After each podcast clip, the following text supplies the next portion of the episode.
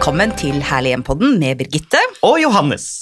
I dag, Johannes, så skal vi snakke om hva? Om samlere. Og hvem som er samlere, hva definerer en samler, og hvorfor samler vi på ting? Det syns jeg er interessant. Er du en samler, Birgitte? Ja, jeg samler på øh, enkelte ting, ja. Hva da? Uh, jeg samler på faktisk uh, hvite mugger. Eh, så jeg tror jeg har sånn kanskje tolv hvite mugger i forskjellige størrelser, eh, fra forskjellige tidsepoker, med forskjellig utforming. Noen høye, tynne, lange, noen tjukke, fyldige med stor eh, hank. Noen som er sånn trygt hvitt mønster på, men alle er hvite. Eh, og de eh, er jeg veldig glad i. Hva er det med mugger som eh, er så fascinerende, da? sa brura. Um, jeg tror faktisk jeg har sett dem. Du har stilt dem eh, oppå kjøkkenskapet eh, hjemme, Ja. og det er veldig kult. Å sette fram bruksgjenstander eh, slik at de blir eh, ja, pynteelementer i interiøret. Mm, Ja, jeg, jeg samler på hvite mugger, og det er det egentlig flere grunner til. For det første så er det eh, sånn multibruk av mugger. Altså man kan bruke det til saft, til kakao, til vin, til vase. blomster, vase, altså alt mulig. Um, for det er litt viktig for meg at det jeg samler på har en eh, estetisk verdi, selvfølgelig først og fremst, men også gjerne en praktisk verdi. Hva med deg, da? Samler du på noe? Hvorfor er det viktig at det er en praktisk verdi? Jo, for hvis ikke så blir det jo bare sånn støvsamlere som står oppå hylla, aldri blir tatt ned og vaska og rydda og brukt. Det er der vi er veldig forskjellige, vet du. Ok? For jeg er jo støvsamlorama. altså, Støvsamlerorama. ja, For et det deilig ord. vil jeg jo si at jeg er. Jeg samler jo på ting som er helt unyttige, men som er morsomme å se på. Typ. Hva samler du på, Johannes? Jeg har jo blitt veldig glad i um, elefanter. Å, Altså tror jeg det har noe med affeksjonsverdi å gjøre, det også. For jeg husker at bestemoren og bestefaren min alltid em, hadde med seg elefanter fra eh, Østen, som de hadde med seg hjem og, og plantet rundt i hjemmene sine, og det har jeg adoptert. Og du vet disse keramiske elefantene i masse farger som du finner i bruktbutikker og antikvitetsbutikker rundt omkring, annet i Oslo. Em, de har jeg begynt å samle på og har jeg stående rundt. De er ikke så forferdelig dyre heller, de koster rundt 300 kroner. nå vet jeg hvilke du mener. De du har, du har flere i stua. Ja, Ganske høye, type 40-50, kanskje til og med 60 cm høye. ja. Eh, I, er det porselen, eller er det Noe er i porselen, noe er i keramikk. Ja. Og um, jeg blir så glad av å, å se på dem. Jeg er veldig glad i dem. Og så har jeg også en fascinasjon for fugler, og det er jo litt ironisk, for da jeg var liten, så var det en due som eh, satte seg på fjeset mitt. Eh, jeg var tullet inn i mange pledd og kunne ikke bevege meg. Eh, og dette her har mamma fortalt, at det var en due som vandret rundt med Hva skal jeg si? Potene. Hva heter det? Klørne sine i ansiktet mitt. Og så ned på meg, krr, krr, og jeg hadde ikke muligheten til å gjøre noen ting, så hun oppdaget det da, da jeg lå der og skrek. Tenk for en traumatisk opplevelse det egentlig er. Det er omtrent like traumatisk som det jeg hadde med en fugl, som var naboens kanarifugl som de slapp løs i stua, og jeg var ti år gammel, og de sa den er ikke farlig, den er så søt, og jeg hadde langt, langt løst hår, og den fuglen satte seg selvfølgelig på hodet mitt og vipp, vikla seg inn i håret mitt, så jeg har helt klaus når det gjelder fugler, særlig små fugler. Gi meg en ørn, altså, men ikke en liten gul kanarifugl, da får jeg hetta. Der er vi like. Der er vi like. For, eh, men det som er så rart, er jo at jeg har fugler over hele hjemmet mitt nå. Men da, må, Unnskyld at jeg avbryter, altså, men da må vi bare ta en sånn rask, liten psykologisk, samfunnsfaglig eh, tilnærming her, Johannes. Jeg visste det kom. Fordi elefanter, la oss ta elefanten først, for nå skal vi snakke litt om hva elefanten representerer, siden du er så glad i elefanter og faktisk samler på elefanter. Hva mener du at elefanten symboliserer eller representerer? Altså, for meg symboliserer den godhet eh, og raushet. Um, det er noe Trekkene gjør at den er snill og innbydende på mange måter. Um, Ganesha, er det ikke det guden heter? Ganesha, ja. Mm. Mhm. Eh, sto jo for godhet og sannhet i eh, indisk eh, Hinduistisk. hinduistisk Mhm. kultur. Det er jo i- India, det. Ja. ja, det er det. Eh, Så jeg tror det har med det å gjøre. Fugler er jeg litt usikker på. Kanskje det er en slags reaksjon. Kanskje jeg prøver å temme traumene mine ved å eh, omgi meg med fugler. Altså, du eh, holder jo dine your enemies close, eh, skjønner du? Så kanskje jeg inviterer inn fugler for å, å bearbeide noe underbevisst der.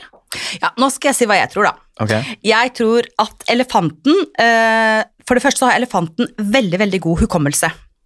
Elefanten lever ganske lenge. Den er et veldig stort Det er et veldig stort dyr. Det er et flokkdyr. Den er veldig opptatt av familien sin, og hvis du møter en mammaelefant med en babyelefant Det har nemlig jeg gjort i Sør-Afrika. Da skal man være veldig forsiktig. Oi. Fordi mammaelefanten, hun passer på ungen sin. Men det er flokkdyr, eh, representerer hukommelse og lojalitet. Og familie. Det her er jo nydelige ting. Nydelige ting. Og jeg er kreps, opptatt av hjem, lojalitet, alt det du nevner. Ja, og da skal vi komme over til fuglen. Hva er det blikket, Birgitte? Hva representerer fuglen? Fuglen i alle kulturer og religioner er jo en budbringer. Ikke sant? Du har Hugen og Munin, det husker vi, ikke sant? Hugen og så har du kråka, du har skjæra, du har spurven, eh, ørnen, som er et veldig sterkt symbol i ikke minst sjamanistisk tradisjon, eh, blant indian, indianere, for eksempel, eller eh, samer. Men Freud, vet du, han godeste Freud, Here we go. Here we go. Hva sa Freud om eh, fugler, og ikke minst hvis man var redd for fugler? Det har vel noe med sex å gjøre, da. Ja! Freud sa nemlig at da hadde man litt eh, seksualangst hvis man var redd for fugler. Så da, da, der er vi også like, fordi at da har vi begge Seksualangst? dyp seksualangst, for vi er ikke så veldig glad i fugler. Eller det vil si, vi er glad i fugler, men litt redde for små fugler. Men ok, så det samler du på. Noe annet, Johannes? Jeg samler jo på mye, og det er jo det som er interessant, for eh, et av mine hovedtrekk som eh, stjernetegn kreps, er jo at jeg samler på ting som andre ikke forstår at man ser verdien av. Så eh, det jeg samler på har ikke nødvendigvis stor materiell verdi, altså krepser eh, bryr seg egentlig ikke om det. Eh, men det har høy affeksjonsverdi, så hvis man blir glad i noe, så samler man på noe. Jeg er veldig glad for at jeg sluttet å samle på en del ting, blant annet eh, alabaststatuer av greske guder, for eksempel. Det kan jo bli litt for eh, De står i garasjen nå, Oi! for det kan bli litt mye. Nei, det er jo kjempekult. Masse greske hvite statuer eh, rundt Ja, omkring i heimen. de tror jeg kanskje jeg kan arve av det. Er det sant? Du kan ha dem i hagen. Jeg elsker eh, gresk mytologi og greske guder. Jeg elsker, ja, men det, det, Ikke misforstå meg, jeg elsker det, men jeg, jeg, jeg er helt litt mer mot um, Jeg er glad i um, symboler og ikoner. Og jeg har skjønt at jeg er litt forut for min tid, for jeg har sett rundt i eh, interiørbutikker nå, og vet du hva de selger overalt? Madonna-statuer. Eh, altså Jesus-statuer, Madonna-statuer, ja. de tingene der. Jomfru Maria. De må, Jomfru Maria, de må være litt slitt. De må ikke være for blanke, ikke for kitsch. De må se, være litt slitt, sånn at det ikke blir eh, litt sånn Men jeg trodde det var helt ut, ja. Er ikke det veldig sånn det, del av shabby chic-perioden? Er den på vei tilbake, eller? på vei tilbake. Oh, ja. Altså, overalt hvor jeg snur meg nå, så ser jeg det. Det er litt sånn at når du tenker på det selv, så ser du det plutselig. Sånn oppfører, oppfører vi oss som mennesker. Men, men uh, dette her kan jeg si helt uh, objektivt er tilbake. Men uh, da kom jeg på dette med symboler. Uh, Ja. Kom på noen flere ting som jeg samler. For jeg samler faktisk på rosenkranser. Ikke sant, sånne bønne... Ja, det har jeg mange av. Det har jeg kjøpt overalt i verden. Så oh, jeg jeg, elsker det! har jeg kjøpt rosenkranser og har faktisk hengt det på en stor Madonna-figur, altså Mother Mary, altså Jomfru Maria. Så det, men det trodde jeg var sånn helt passé, men det spiller ingen rolle om det er passé eller ikke, jeg elsker det. Og det samler jeg på, men jeg har alle på ett sted. Eh, og det tror jeg er et eh, godt tips til våre lyttere som er glad i å samle eh, ting. Sett det sammen og lag på en måte en installasjon, eller ikke spre det rundt over hele huset, for da blir det bare ruklemukle og ikke noe rød tråd. Men hvis man samler det, så kan det faktisk bli ganske fint. Men jeg har én ting til som jeg kom på. Jeg trodde jeg ikke var samler, men jeg kom på en ting til. Og det jeg samler på stråhatter. Oi, det er hyggelig! Henger det opp på veggen? På hytta så har jeg bare måka de inn med spiker rett på en vegg som eh, var litt naken. Og det er noen gamle stråhatter og noen nye stråhatter, og noen fra henne som Maurits, og noen som jeg har fått av min mor, og noen etter min mormor, tror jeg også. Og så har jeg bare måka de opp på veggen, og det blir veldig fint. Jeg har også sett noe som har inspirert meg veldig. Jeg følger jo Madonna på Instagram, eh, altså artisten Madonna. Ja. Og eh, i kjøkkenet hennes i Portugal, taket der er full av stråkurver som er hengt opp i alle mulige former og fasonger. Så stilig. Ja, det er fint. Ja, det var sykt fint, eh, og det hadde jeg aldri tenkt på selv. Og så er det bruksgjenstand. Altså Da kan man plukke med seg en eh, kuv ned hvis man skal på sopptur, eller hvis man skal handle, eller hvis man skal på stranda. For det er litt fint å bruke tingene òg, syns du ikke det? Ja, eh, Nå skjønner jeg hva du mener, med stråhatter også. Du kan jo plukke dem ned og ha dem på hodet. Ja, og så kommer det noen gjester da, vet du, som får litt solstikk og litt for mye hvitvin, så kan vi ta ned en, eh, en liten stråhatt fra veggen. Birgitte, Ja. jeg har jo også vært veldig glad i lekene mine opp igjennom, og jeg har jo klart å kaste en del, men det, det er jo mye man sparer på, ikke sant? Og det er jeg ikke helt alene om. Um, det er veldig mange som har brukt du vet de der gamle dyrelekene i plastikk og sånn. Husker du vi var hos eh, en i Herlig hjem som hadde brukt det som borddekor? Ja. Til eh, middagsselskap, Ja. og det kan man gjøre for voksne selskap også. Mm. Jeg var i en 40-årsdag, der hadde han brukt Star Wars-figurene sine som eh, borddekor. Veldig kult. Mm. Skaper um, samtale med en gang, ikke sant? hvor man mimrer og ser tilbake på ting som har eh, påvirket en. Mm. Sigurd Storm er jo en annen som har brukt Barbie i alle mulige former og fasonger som installasjonsobjekter. Mm. Eh, og leker har jo også en verdi eh, etter hvert. Så det er kanskje ikke så dumt å spare på den der He-Manen eller den Barbie-dokka uh, ja, opp igjennom. Eller så kan man lage noe nytt av det man har samlet på. Husker du det kunstnerparet vi var og besøkte? Ja. Som hadde tatt masse sånne Var det eh, sånne mm, plastikkleker, mon tro, fra McDonald's? Var det ikke det? Eivind Platou. Riktig. Og han lagde rett og slett eh, lampeføtter eh, av masse sånne små plastikkleker som han eh, på en måte limte sammen på et vis og lagde store lampeføtter, og så spraylakkerte han det, og det ble kjempelekkert. Altså rett og slett eh, lekre, lekre lamper, og morsomt, og da kan man jo ha, ta vare på lekene sine og bruke det på en ny måte. Ja, og eh, han heter faktisk Eivind Hantverk, altså Eivind Staud Platou på Instagram. Ja. Og der får man masse inspirasjon hvis man har lyst til å gå litt i hans spor, eller la seg inspirere av hans arbeider. Veldig kule ting. Veldig kule ting, og så fint å ta vare på gamle minner fra barndommen hvis man er eh, samler, og også fint å gi det ny bruk og funksjonalitet, da. Folk sparer jo på andre ting øh, som også har eh, materiell verdi, og da er det ofte porselen og servise. Mm. Og, og det går jo aldri av moten, så det er jo et hett tips, at man skal spare på disse tingene. Har du et servise som du samler på? Vet du hva, jeg er faktisk ganske dårlig på det, men eh, eh, jeg har noe gammelt greier eh, hjemme. Jeg har et servise som jeg samler på, som jeg samla på helt siden eh, jeg var eh, under 30, for å si det sånn, så mange, mange og 20 år. Og Ja. det er et sånt eh, gammelt servise som dessverre har gått ut av produksjon.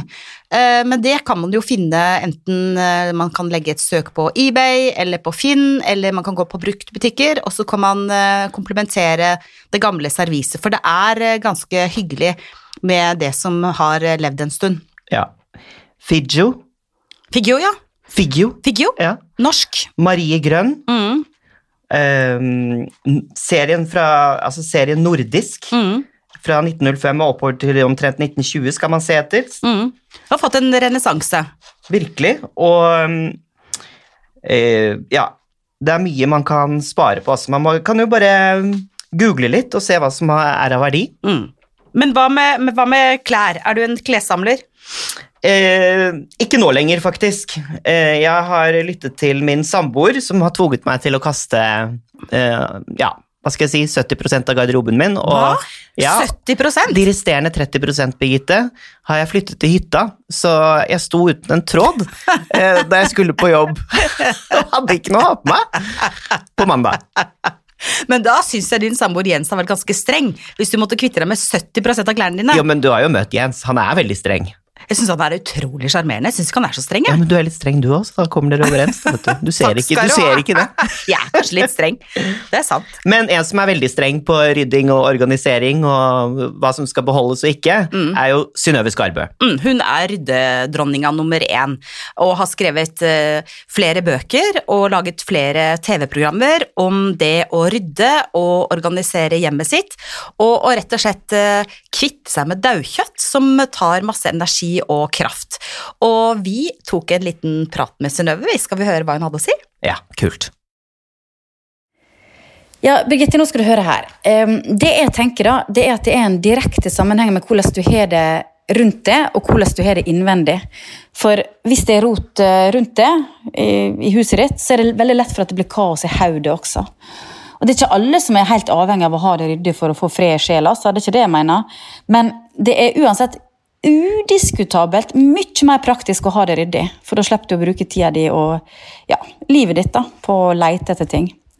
Og jeg tenker at eh, En av de største feilene folk gjør, folk flest gjør, da, det er at de tenker at eh, rydding er noe man driver med hele tida for å få det ryddig. Men det er ikke slik jeg ser det. Jeg tenker at eh, rydding skal være et, et engangsevent.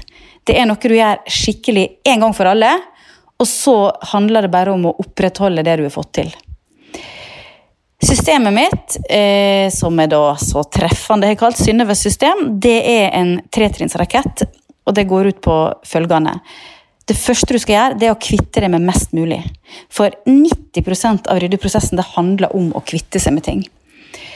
Eh, så det første du må gjøre, det er å luke ut mest mulig, og da har jeg en lakmustest som går ut på at eh, du skal ta eh, en ting foran deg, så skal du tenke sånn Trenger dette her? Og så må du være helt edru i svaret ditt. Du må liksom være helt sånn Trenger jeg det virkelig? Er dette her noe jeg bruker? Det er det første spørsmålet. Spørsmål nummer to du skal stille deg sjøl, er elsker jeg det?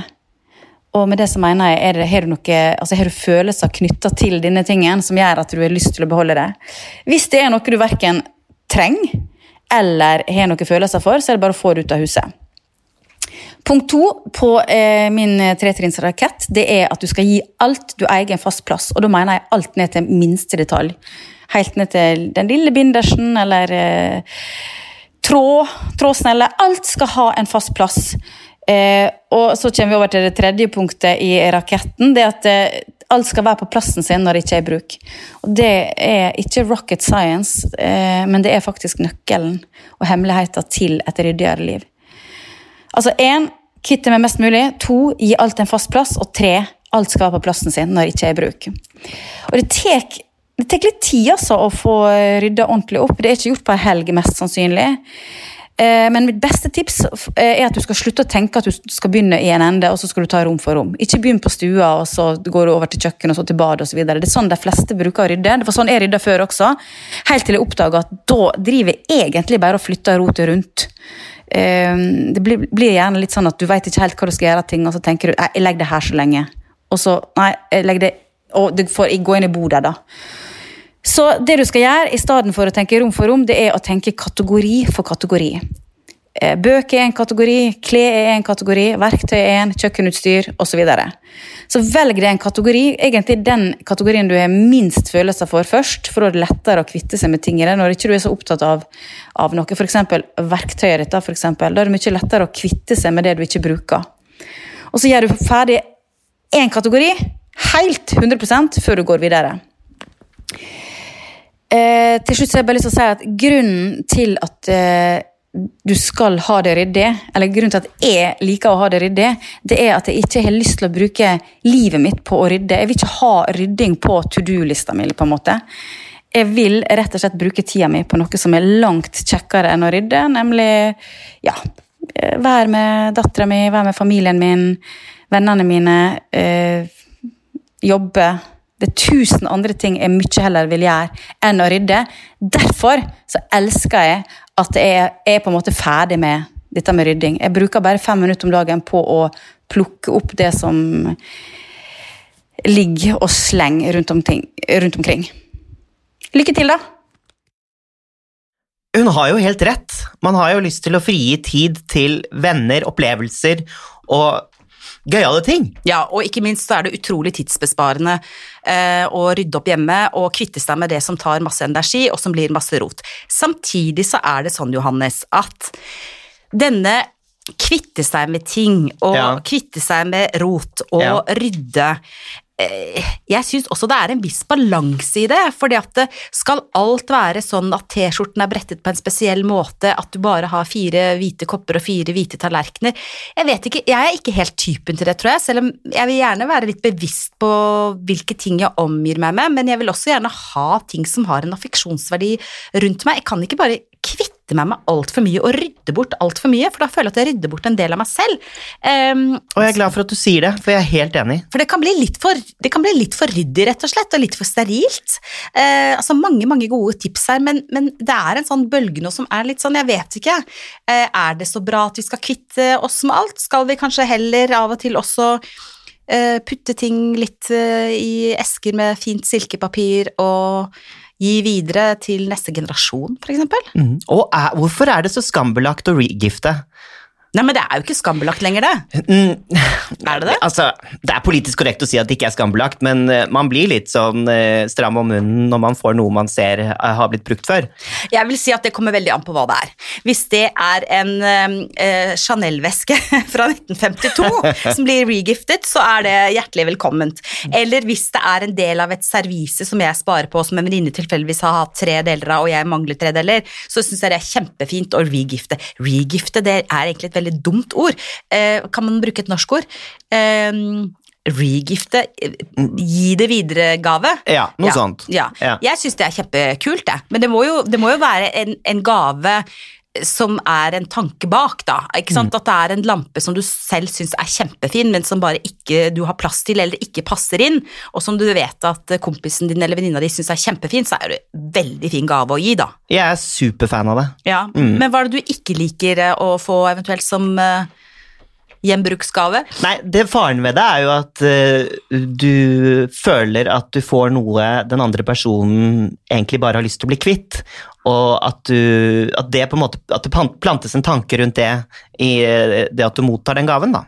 Ja, men det er jo ikke eh, verre enn at du får en, eh, en julegave som er kjøpt helt uten kjærlighet fra et eller annet glassmagasin som en, eh, nok en duppedings som skal stå og tørke og samle støv. Ja. Så, Men det, det som er litt morsomt nå, er at vi har funnet ut at vi begge to er samlere. ja. Og kanskje vi skal prøve å resonnere oss fram til hvordan det ikke blir rot, men at vi setter det i et system, i en sammenheng. Og da er det jo litt sånn at um, det handler jo litt om interiøret ellers i boligen din også. At du kan skape tydelige soner i boligen din. ikke sant? At du har Her er den sittegruppen, her skal du gjøre det. Altså det, Hver sone har en funksjon i rommet. Mm. Og da eh, dra med samleobjekter og nips inn i de sonene der de har en funksjon og hører til. Mm. Er ikke det lurt? Jo, jeg vet blant annet hjemme hos deg så har du veldig mange messinglysestaker. En hel haug. Altså det må jo være hva da, 20 stykker eller noe sånt nå. Ja. Som du har satt oppå peisen. Høres ut som den kjerringa. Nei, nei, men det er kjempefint. Altså, det er kjempefint. Og så har du plassert alle de oppå peisen, og da blir det på en måte em, et uttrykk, en statement. Ja, for jeg tror at eh, da Ja, det er som du sier, det blir en enhet. Mm. Mm. Istedenfor at to lysestaker på kjøkkenet, to lysestaker i stua, en på badet, en på soverommet. Hvis de har en, hvis de har en eh, et fellestrekk. for det trenger ikke nødvendigvis være at alle er i likt materiale eller lik farge eller lik høyde, snarere tvert imot. Men hvis du f.eks. samler på lysestaker, da, så prøv å samle alle lysestakene mm. mer eller mindre på ett sted eller én sone. Mm. så blir det en installasjon, og så blir det ganske lekkert. Og så tenke litt på lys. altså Belysning har mye å si. Hvordan disse nips- eller samleobjektene um, fremtrer. Mm. Eh, For lys kan egentlig spille opp noe til å bli noe større enn det egentlig er, og få fram materiale i det, eller mangel av materiale. Eh, Overflate, ikke sant? Eh, Så lys er viktig. Tenk på belysning. Og så er det lov å bruke litt humor når man skal eh, samle sammen tingene sine. Enten det er noen morsomme bilder, eller det er noen morsomme plakater, eller det er gamle leker, eller det er bamser eller dokker, eller hva det er. Det er lov å bruke litt humor. Det er ikke nødvendigvis sånn at eh, bamsene, da, for de som samler på bamser, må stå i, sitte i senga. Nei. Altså, de kan man henge opp i taket på en morsom måte. Eller, altså, gjøre noe morsomt eh, som fremhever elementene. Jeg har jo det drøyeste rommet hjemme hos meg, er jo det rosa rommet mitt. Det er et uh, gjesterom. Og jeg er veldig glad i speil. Who knew? jeg er ikke så forfengelig, er det. Lille speil på veggen her. Eh, Det gjør meg ikke mindre paranoid å ha mange speil, men sånn er det bare. Hvor mange speil har du på det rommet? Mm, kanskje 30.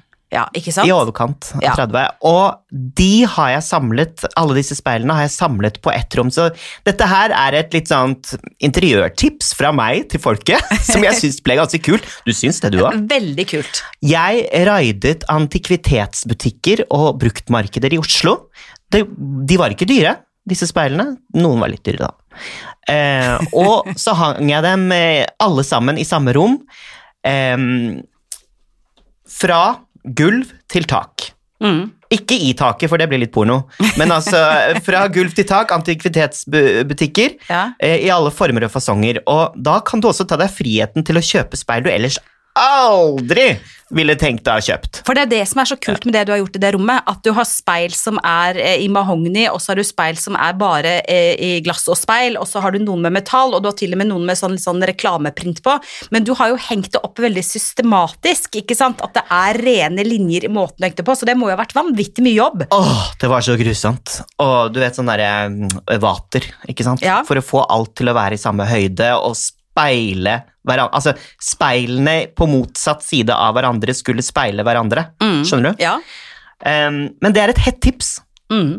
Og da gjerne velg en sterk signalfarge som bakgrunn, Mm. for hvitt vil ikke da hjelpe på det. Da må du ha noe som binder rommet sammen. Og du har sjokkrosa, ikke sant? Jeg har sjokkrosa. Ja. Det ble veldig sjokkrosa. Det ble sånn milkshake, eh, McDonald's milkshake-rosa. Jeg hadde ikke helt planlagt det, da. Jeg tror du må legge ut et bilde på Insta-kontoen vår, altså så folk kan se. Ja, Kommer an på om eh, folk spør meg, da. Spør Johannes, folkens, som vil legge ut bilder fra det fantastiske rosa arbeidsrommet er slash gjesterommet. Det er inspirerende da, med, med å gjøre litt sånne. Det blir jo et sånt installasjonsrom, egentlig. Et statementrom. Mm. Men når det gjelder det å samle på ting, så er jo speil veldig, veldig morsomt. Mm. Det Fordi det gir eh, økt romfølelse, det reflekterer lys, eh, man kan sette mange størrelser og fasonger sammen. Speil er veldig morsomt, Og man altså. kan leke seg veldig. Altså, de speilene jeg har der, er jo alt fra kvadratisk, noen litt kjedelige, som du sier, til print på, og også helt sånn eventyrspeil med masse krims og krams på. Veldig gøy, og du kan også gå gjennom alle mulige tidsepoker. Altså, det er ikke noen regler, da. Mm. Jo, det er noen regler, og det er å samle de. Ja. og prøve å henge de i et visst mønster, eh, sånn at det ikke blir rotete. ja, det er sant. Fordi spørsmålet er, Johannes, når blir samlemani? Ikke sant? Eh, Du samler på elefanter og på fugler og på speil og på alt som har med artisten Madonna å gjøre, selvfølgelig. Jeg sparer på stråhatter og på mugger og på what not. Men når blir eh, vår samlemani til rot? Ja, og da er det jo viktig å definere samlemani, syns jeg. Det er jo en tvangslidelse, uh, ofte definert som å anskaffe og ha vanskeligheter med å kvitte seg med eiendeler, hold deg fast, som er ubrukelige eller av lav verdi. Og mm, jeg har jo vært borti noen eh, hoarders, som det heter på engelsk, eh, gjennom forskjellige mm, jobber jeg har hatt, faktisk. Ja. Og det er jo ikke spesielt gøy å se at folk har stabler med ja, eh, ødelagte ting eh, i stua. Eh, og til og med ting som kanskje ikke hører hjemme i en stue, som bilhjul.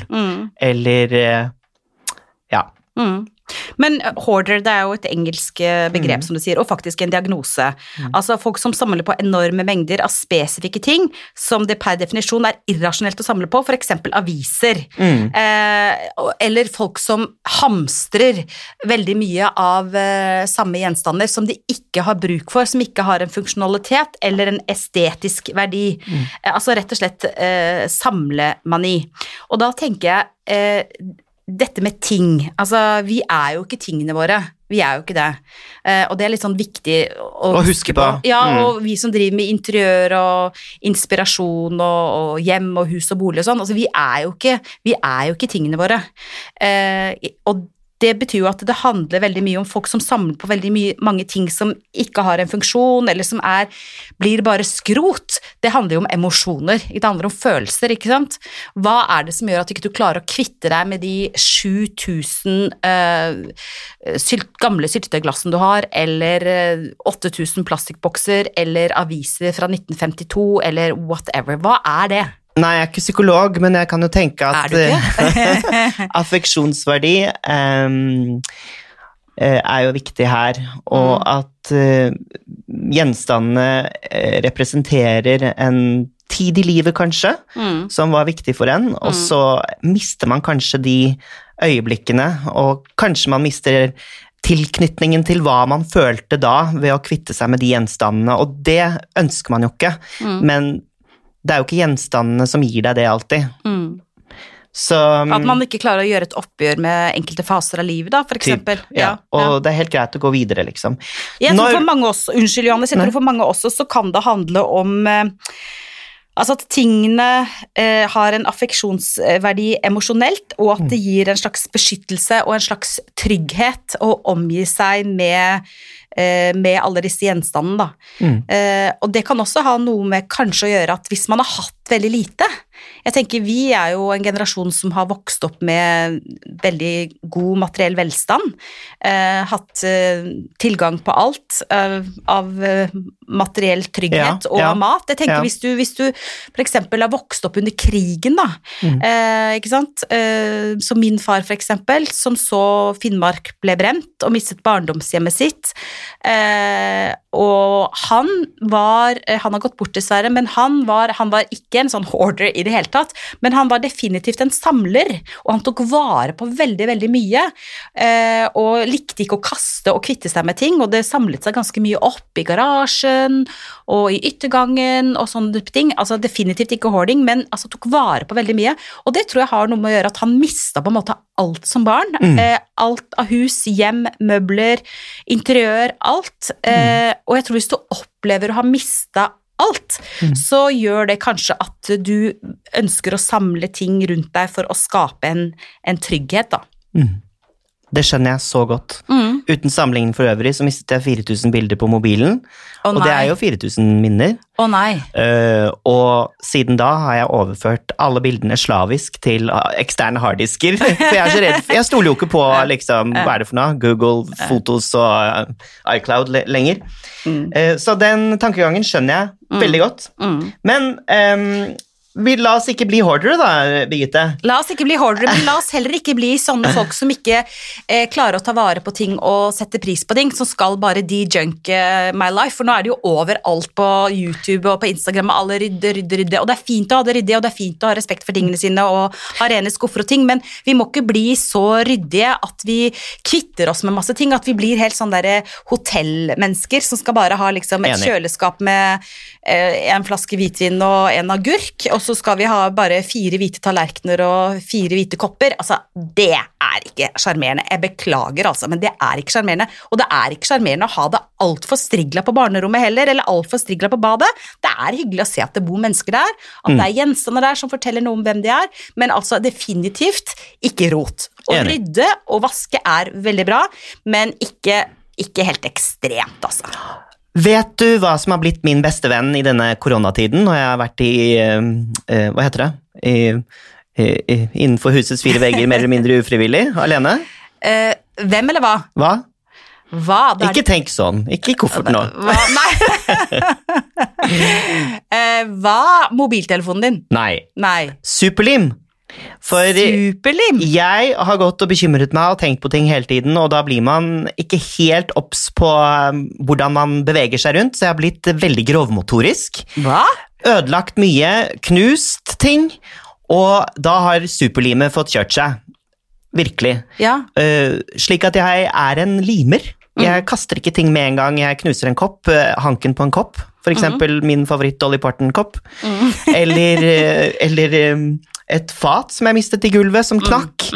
Limte det, og ja, så får det et lite skår, men Det er bare et minne. Det er kjempefint å fikse på ting, og ikke bare kaste eller gi bort. Fikse på ting, ta vare på det man er glad i. Det er, det er, jeg er veldig for det, altså. jeg òg. Så nå har du en hel haug med tallerkener og gamle arvede fat som er eh, limt pent sammen, og som kan eh, minne deg om da det, da det skjedde at du veiva borti et eller annet. Ja, og når jeg blir lei av det, så får du bare gå på hytta. ja, ikke sant? Fordi at hytta har ofte et, eh, en tendens til å bli et sånt sted der man tar med seg litt ruklemukle og sånn halvveis skrot, og tenker sånn kjekt å ha, den, den kan jeg sikkert få brukt på, på hytta. Nå ser jeg at du rynker på nesen. Kjekt å ha! Ikke sant? Får Ja. nok sikkert brukt for det. Og så tar vi det med på hytta. Ja, Det må tar- ikke bli en sånn ansamlingsplass av drit, da. Nei. Nei. Men det tror jeg det er for mange. At man Ja. tar, med, man tar med en del sånne ting. Eh, fordi at man tenker det kan man få bruk for. Men altså, hvis du ikke elsker en gjenstand eller noe, eller eh, bruker det, eller har eh, glede av det rent estetisk, eller eh, det ikke gir deg veldig gode minner, eh, så kan man kanskje definere det som skrot. Men andres skrot kan bli Noens skrot kan bli andres skatter. Men tenk på hvem du regifter til, da. ikke Ja. sant? For at vi vil helst eh, eh, få, oss... fi, få fine ting. Ja. Vi vil helst få fine ting, og så vil vi også føle at det er en tanke bak det. At Mm. det ikke bare blir en billig løsning på ja, en gave. Mm. Men du, jeg syns vi har funnet ut av mye. Jeg har, eh, føler at jeg har vært i en terapitime. Så bra, Johannes! Føler meg mye lettere til sinns. Er du mye lettere til sinns? Mm. Det var godt. Men du, bare ett spørsmål eh, eh, til deg, Johannes. Eh, jeg vet at du har en god del arvegods, og at Jens, din kjære samboer, er glad i gamle møbler. Hvordan kan man integrere arvegods eh, i interiøret uten at det blir sånn rotete ruklemukle? Det er jo et interessant spørsmål. Jeg tror at um, å blande gammelt og nytt er overskriften på det. Og så tror jeg at um, uh, man plasserer uh, ting som hører sammen stilmessig. Um, at man ikke sprer det for mye rundt. Hvis det er noe som er litt for i gåseøyne arvegods slash kjerring, mm. uh, så kanskje ja, gjøre et utvalg først, og så samle det. Eh, og så gjør det jo ikke noe å, å, å sprite det opp med noen moderne elementer, ikke sant? Mm. Da får du en eklektisk stil, Eklektisk stil. som vi har snakket om mange ganger før. Du behøver ikke gjøre igjen. Er Det er bare se, se på en annen, eh, hør på en annen episode. Blanda drops. Ja. Men du Johannes, hvis vi skal prøve å oppsummere litt da i forhold til eh, dagens tema rot og skrot og samling. Hva har vi lært i dag? At det er eh, lurt å ta vare på ting som betyr noe for deg, for du kan angre dersom du kaster det eh, og blir overtalt til det. Men om du skal spare på alt mulig rart, så er det jo greit å ha en tanke om at det kanskje skal se dagens lys igjen, og ikke bare står i en bod og fyller opp, for man blir jo litt sånn tynget mentalt når man vet at skapene er fulle. Sånn er det bare. Så eh, spar på de tingene som betyr noe for deg, eh, og hvis det er litt guilty pleasure, litt eh, sånn at du er litt eh, synes det er, ja, det passer ikke inn i alle mulige settinger, så samle det til en enhet, sånn at du får et fellesuttrykk og blir en statement til seg selv. Er ikke det egentlig ganske lurt? Jo, og så har vi fått gode tips fra Synnøve Skarbø i forhold til det å rydde og kvitte seg med ting. For husk på at du er ikke tingene dine, men samtidig, man kan ikke være helt konsekvent, ta vare på det som eh, betyr noe for deg. Det er så komplekst dette her, Birgitte.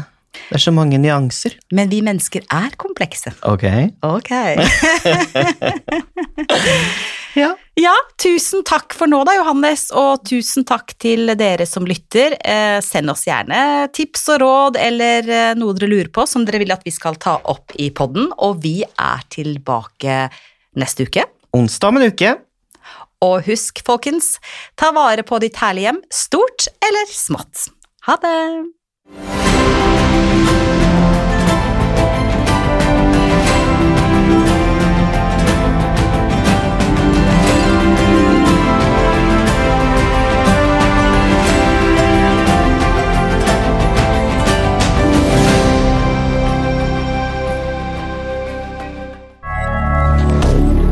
moderne media.